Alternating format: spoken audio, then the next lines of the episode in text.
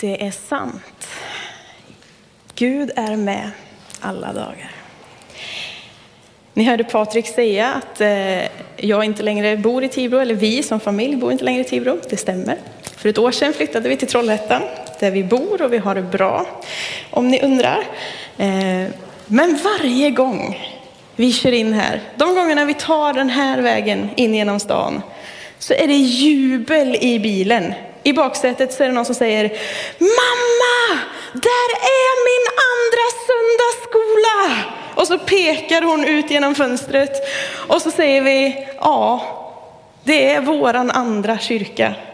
Så vi är med i Trollhättan idag, men det här är våran kyrka också på något vis. Det här är hemma, det kommer alltid vara det. Eh, och det var jubel när det var söndagsskolstart idag. Det har varit stor förväntan. Och det är stor glädje att få vara här faktiskt. Vi tycker det är jätteroligt. När jag satt och förberedde mig inför den här söndagen så kände jag att jag skulle prata om ett liv i tro. Det finns ett kapitel i Bibeln som brukar kallas trons kapitel. Det är Hebreerbrevet 11. Och i Hebreerbrevet 11 så kan vi läsa att i tro byggde Noa en ark. I tro lydde Abraham.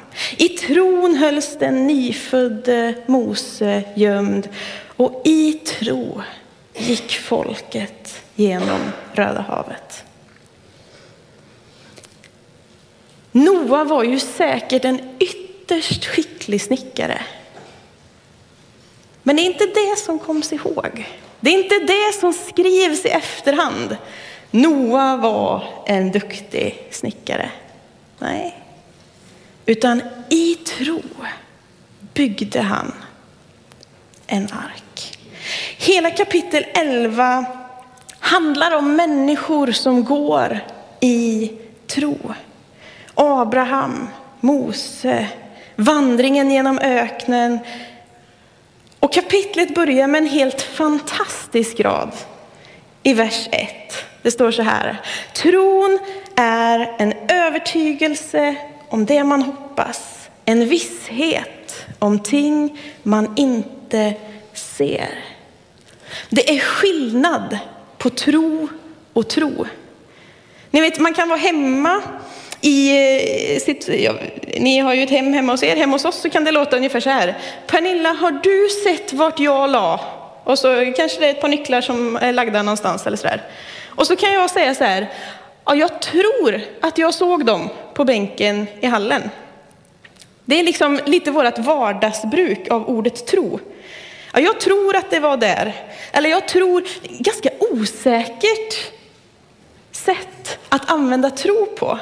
När Bibeln talar om tro så är det någonting helt annat. Tron är en övertygelse. Tron är en visshet. Det är någonting som vi kan vara vissa om. Det är inte bara, ja men jag tror nog att vi kommer till himlen en dag. Jag kan veta.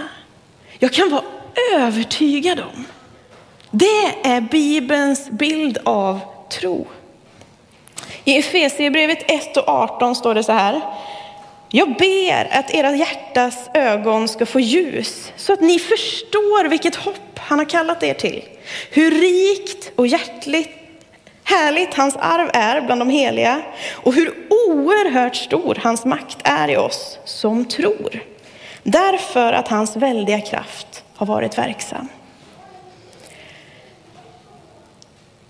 Det finns någonting stort i att bära en tro. Vi bär på ett hopp som är större än allt. Ett hopp som stavas himlen. Det är en sorg när människor går i mål här på jorden. Det är en sorg att bli lämnad kvar. Det är en sorg att en människa vars liv har fått betyda mycket har tagit slut. Men det är också en målgång. Det är också en final. Det är också ett jubel och ett halleluja. För vi tror på en evighet med Gud. Inte en sån där tro som är lite sådär, jo men jag tror nog. Utan med tron som är en visshet om det vi ännu inte har sett. Det finns ett evighetsperspektiv att förhålla sig till. Och det är ett perspektiv som Bibeln är jättetydlig med. Vi kan inte veta jättemycket. Vi har haft, vi har haft stor anledning i veckan hemma hos oss att prata om himlen vid köksbordet. För Gerd som vi ska ha parentation för nästa vecka, det är min mormor. Och vi har pratat om himlen, vi har pratat om hoppet. Och när man sitter med en fyraåring vid ett köksbord så kommer frågor som, ja men vem var det som hämtade gammelmormor till himlen då?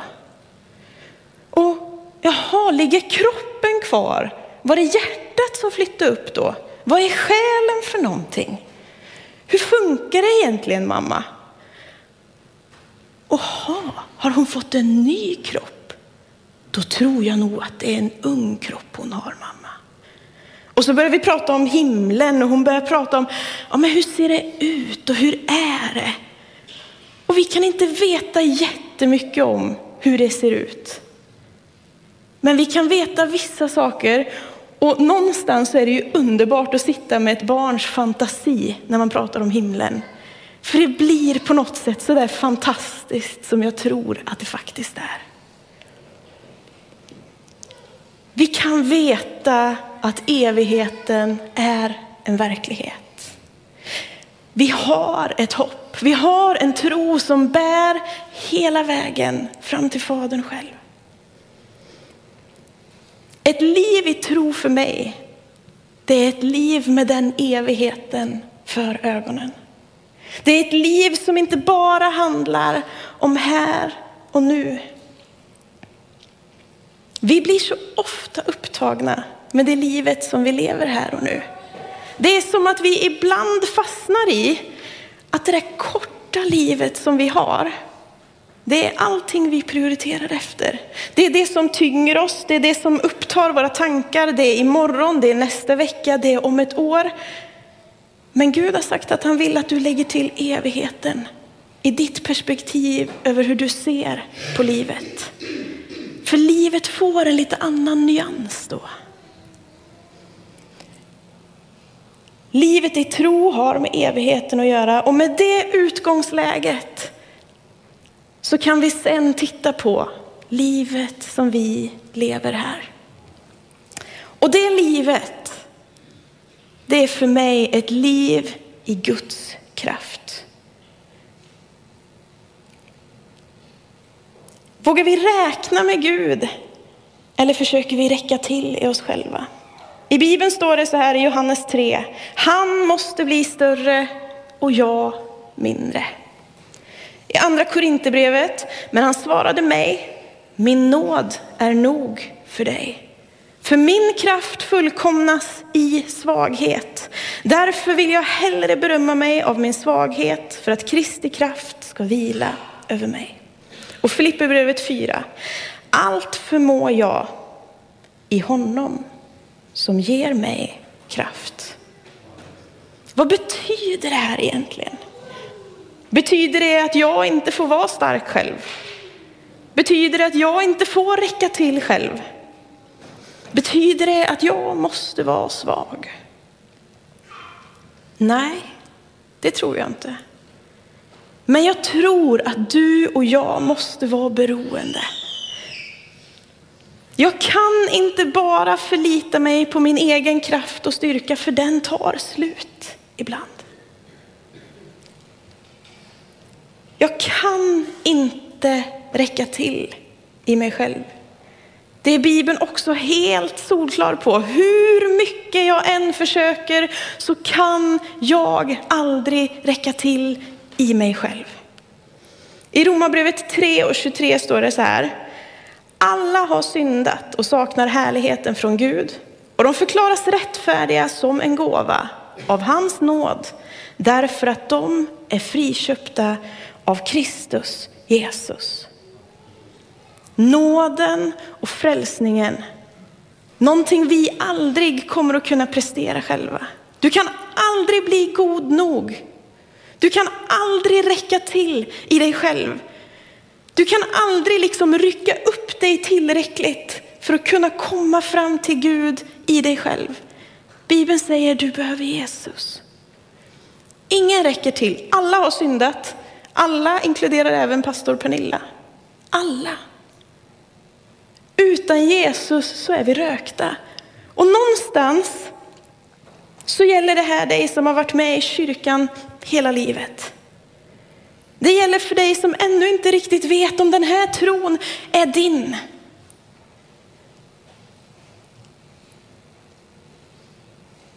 Ingen räcker till, men alla har fått samma gåva.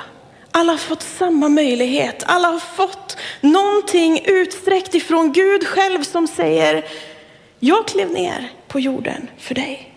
Jag dog på ett kors för dig, jag uppstod igen för dig. Du behöver inte räcka till. Du behöver sätta din tro till han som är tillräckligheten själv. För en del är det här en befrielse och få höra att åh, jag behöver inte få räcka till. För andra blir det en utmaning. Jag kan bara tala för mig själv. Men att vara stark, det är lite en av mina svagheter. Jag tycker det är så jobbigt att misslyckas. Jag tycker det är så jobbigt att misslyckas att jag undviker att göra saker som jag inte är bra på. Om jag tänker att jag kanske misslyckas så kan jag till och med lämna vissa grejer. För när jag inte räcker till, när jag inte håller måttet, när jag inte... Och för mig så blir det en kamp. Jag kämpar på, jag pressar mig, jag går lite till, jag försöker lite mer i mig själv. Och ibland så blir jag så tillräcklig att jag glömmer bort att jag behöver Gud. Vi ska få upp en bild på väggen här på ett par trapetskonstnärer.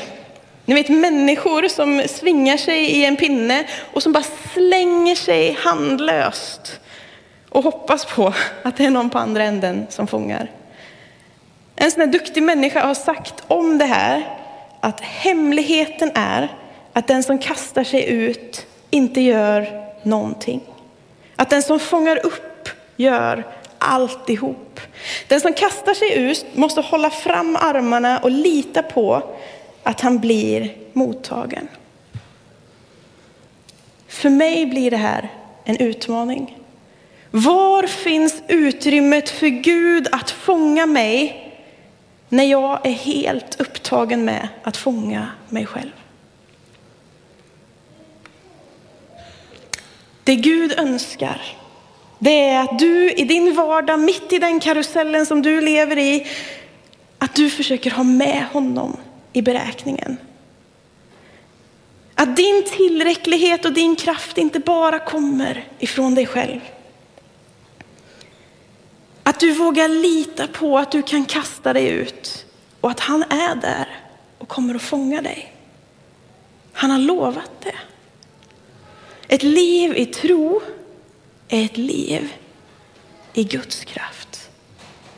Inte i din egen. Ett liv i tro är också ett liv med Guds folk. I första Timoteus 3 och 5 står det så här. Men om jag dröjer ska du veta hur man bör förhålla sig i Guds hus som är den levande Gudens församling, sanningens pelare och grundval. Guds hus, Guds hem, ordet som används är oikos, det grekiska ordet, betyder Guds hushåll. I den levande Gudens församling, där är ordet eklesia och det skulle egentligen kunna betyda folksamling eller folkskara. Alltså Guds hushåll, den levande Gudens folkskara. Det är församlingen. sanningens pelare och grundval. Sanningen om livet, om Gud, finns i Guds hus, bland Guds folk, där han blir lyft, där han blir erkänd, där han blir predikad. Det finns någonting stort och oerhört vackert med Guds församling som vi inte får tappa bort. Det är så mycket mer än bara bra verksamheter och gott fika. Det är mycket större än så. Det finns en man i Bibeln som heter Paulus. Han eh, får ett ganska radikalt Jesusmöte. Han eh, möter Jesus på en eh, öde väg och blir blind. Han var ute för att förfölja de kristna egentligen. Och mitt i det här mötet så vänder han sig till Gud och så säger han, vem är du som har gjort det här mot mig? Och Jesus svarar, varför förföljer du mig? Frågan Paulus får i det här ögonblicket där han blir blind från Gud, det är varför förföljer du mig? Alltså Jesus själv som svarar Paulus, han identifierar sig så nära med Guds folk att han är Guds folk själv. När Paulus förföljer de kristna, då förföljer han Jesus själv.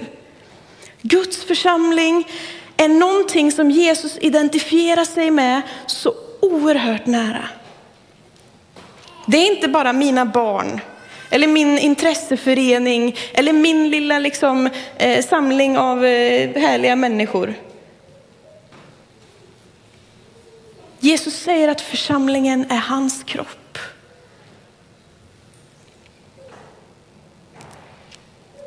Har församlingen den höga och viktiga platsen i mitt hjärta? Är det så jag ser på det här stället? Att det är Guds kropp. Det är Guds hushåll, det är Guds folkskara som samlas. Paulus skriver lite senare när han har blivit frälst och är ute och predikar och skriver brev som vi kan läsa i Bibeln. Ett brev till folket i Korint. Ett brev och en, Ehm, en text som egentligen handlar om att samla in pengar. Men det står så här i andra Korinthierbrevet 8 och 5. Och de gav inte bara det vi hade hoppats, utan sig själva gav de. Först och främst åt Herren och sedan åt oss efter Guds vilja. Folket i Korint hade förstått att det inte går att skilja på överlåtelsen till Jesus och överlåtelsen till varandra. De gav sig själva. Att överlåta sig till Jesus kan bli lite diffust. det kan bli lite andligt, det kan bli lite abstrakt. Har jag en tro eller har jag inte en tro? Eller... Men att överlåta sig till hans kropp, det är inte ett dugg abstrakt. Att överlåta sig till Jesus, det är att överlåta sig till hans församling. Och det räcker inte riktigt med att säga att någonting är viktigt för mig. Det som är viktigt i livet, det får kosta någonting. Det som är viktigt i livet, det ger jag av min tid. Och om du skulle göra ett kontoutdrag hemma, om du skulle öppna din kalender, om du skulle syna dig själv en liten smula, då skulle det synas ganska snart vad som är viktigt för dig.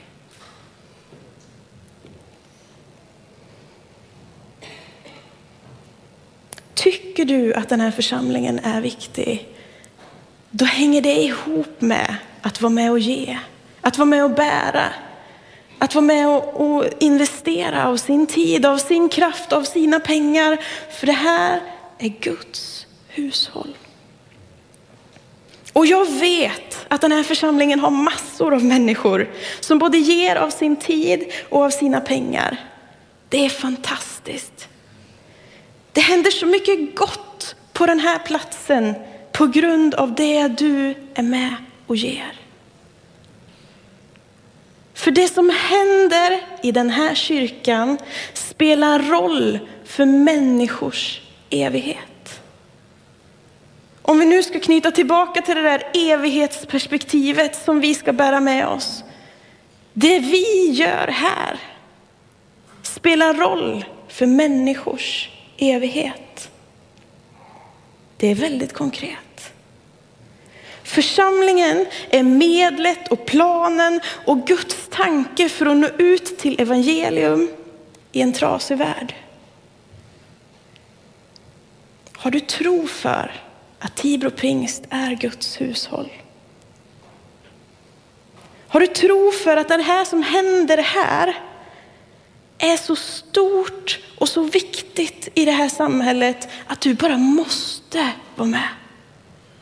Du bara måste ge in i det som händer här. För det som händer här, det är en del av Tibros räddning.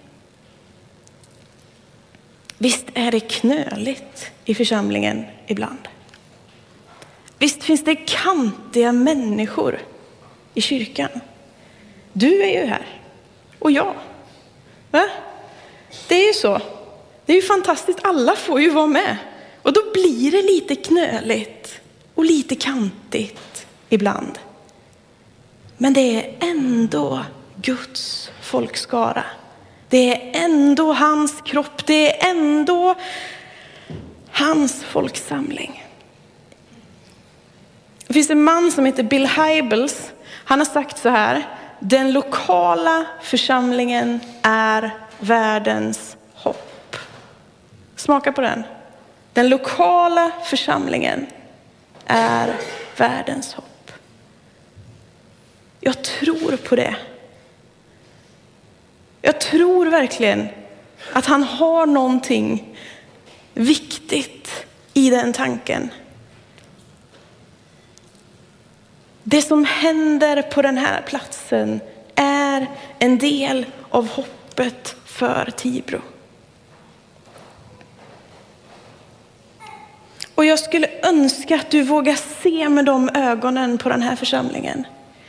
Jag skulle önska att du vågar se med de ögonen även de dagar då någon har gjort dig besviken på det här stället. Även de dagarna då det fattas ett beslut som du inte riktigt kanske förstår eller håller med om. Att du vågar se på den här platsen och tänka, det är Guds hushåll. Det är hans kropp. Det är för stort, det är för viktigt och det är för högt för att jag ska vika ner mig på grund av någonting som händer i omständigheterna. Jag skulle önska att du vågar leva i tron på att församlingen är precis allt det som Gud har sagt att den är. Och en sak till. Du har någonting att bidra med. Gud har redan utrustat dig. Du har någonting i händerna. Ett liv i tro är ett liv med det som du har i händerna. Vi ska in i Bibeln en liten sväng här. När Gud kallar Mose i den brinnande busken. Mose möts av en brinnande buske mitt ute i öknen. Han eh, börjar tala med Gud i den här brinnande busken. Och Gud ger Mose en uppgift. Det är ingen liten grej. Gud får, eller Mose får den stora uppgiften att befria Israels folk ur fångenskap. Eh, Mose har precis fått det här levererat till sig. Att Gud säger, jag tänker att du ska göra det här Mose. Och vi ska kliva in i Moses svar här. I andra Mosebok 4 och 1. Mose svarade, men om de inte tror mig och inte lyssnar på mina ord utan säger, Herren har inte uppenbarat sig för dig. Då sa Herren till honom, vad är det du har i handen? Han svarade, en stav. Han sa, kasta den på marken. Och när han då kastade den på marken förvandlades den till en orm och Mose flydde för den. Men Herren sa till Mose, räck ut handen och ta den i skärten. Då räckte han ut handen och grep ormen och den förvandlades åter till en stav i hans hand. Alltså kan ni se situationen framför er? Mose talar med Gud, skaparen av universum. Han får ett uppdrag som känns så här stort. Och mitt i det så känner han så här, jag räcker inte till. Hur ska jag göra det här? Hur ska jag klara av det som ligger framför? Det är så stort. Han frågar Gud en helt naturlig fråga. Vad gör jag om ingen vill lyssna på mig, Gud? Och här förväntar man sig nästan att Gud skulle komma med tio punkter på vad han har betytt för folket i historien, hur stor han är, vad han kan komma med, vad han kan bidra med. Kanske en liten uppläxning om att han är kungars kung och skaparen av universum. Liksom. Men vad gör Gud? Han ställer en motfråga till Mose. Vad har du i handen? Förstår ni hur frustrerande, jag hade blivit frustrerad. Här öppnar Mose hela sin själs tvivel och säger Gud, hur ska det gå? Vad gör jag om folket inte lyssnar på mig? Och Gud frågar vad Mose håller i handen. Eh, Gud, det är en pinne. Jag trodde att du skapade de här. Du hade kanske koll liksom. Han måste ju varit lite frustrerad. Och mitt i det så blir han så här, men vad gör jag om ingen lyssnar på mig? Vad ska jag med en pinne till? Gud vet ju mycket väl vad Mose håller i. Det är ju ingen hemlighet. Kruxet är att Mose inte har fattat vad han håller i. Här kommer vi till en viktig punkt som vi ofta ser förbi. För vi väntar på den brinnande busken, eller vi väntar på eldskriften på väggen, eller vi väntar på tilltalet som är så stort så att det, liksom, det finns inga tvivel. Och allt Gud gör är att han säger, vad är det du redan har i handen?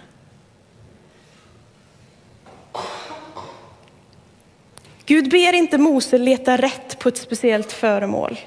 Gud ber inte Mose gå en extra krånglig väg. Gud frågar rakt upp och ner, vad är det du redan bär på? Vad är det som du redan har? Och kanske suckar Gud lite på insidan över att Mose inte riktigt fattar. Och han säger ta den där träpinnen, lägg den i mina händer, så ska du få se på andra grejer här. Det är med hjälp av den träpinnen som Mose sätter igång plågorna i Egypten. Det är samma pinne han stoppar i Röda havet när det delar sig. Det är samma pinne som man använder för att knacka på en klippa och det springer fram friskt vatten. Var det något väldigt speciellt med den pinnen? Nej. Men att Mose la den i Guds händer, det är det som är det speciella. Mose fattade inte vad han redan satt på, vad han redan hade. Det hade kunnat fortsätta vara en helt vanlig träpinne. Men han la den för Guds fötter och det hände stora saker. Bibeln talar om att du är Guds avbild. Att han har varit med och skapat dig, han har varit med och lagt ner saker i dig. Han talar om att du redan har saker i dina händer. Du behöver inte vänta på ett tilltal ifrån himmelen. Du behöver inte vänta på en brinnande buske eller en eldskrift på väggen. Ibland behöver du och jag bara titta. Vad är det som jag redan har? Vad är det för möjligheter, gåvor och talanger som Gud redan har gett mig? Vad är det du har i handen egentligen?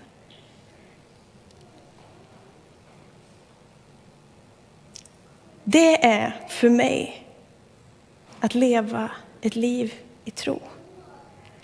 Jag har tro för att Guds kraft, den räcker till. Du behöver inte räcka till i dig själv. Jag har tro för att Tibro pingst är Tibros hopp. Och jag har tro för att det du har i händerna, det ni har i händerna som församling, det är nog för vad Gud har tänkt för framtiden. Jag tror att det ni redan har i händerna kan bli så mycket större när vi lägger till Gud i ekvationen. Så med evigheten för ögonen så skulle jag önska att du vågade lita på att din tro har med kungars kung och herrars herre att göra. Han som har all makt i himmelen och på jorden, det är hans folksamling som sitter här idag. Och om du nu känner att du har så svårt för det här. Du vill bara, du vill bara räcka till i dig själv. Du kämpar och du sliter och det känns som att det aldrig är nog. Kraften är aldrig nog. Då finns det förebedjare här idag som jättegärna vill be för dig. Du kan få komma fram och en människa, ett medsyskon kan få lägga sina händer på dig och be för dig att du ska få ta del av Guds kraft. För vi tror att det är möjligt. Vi tror att det är en verklighet.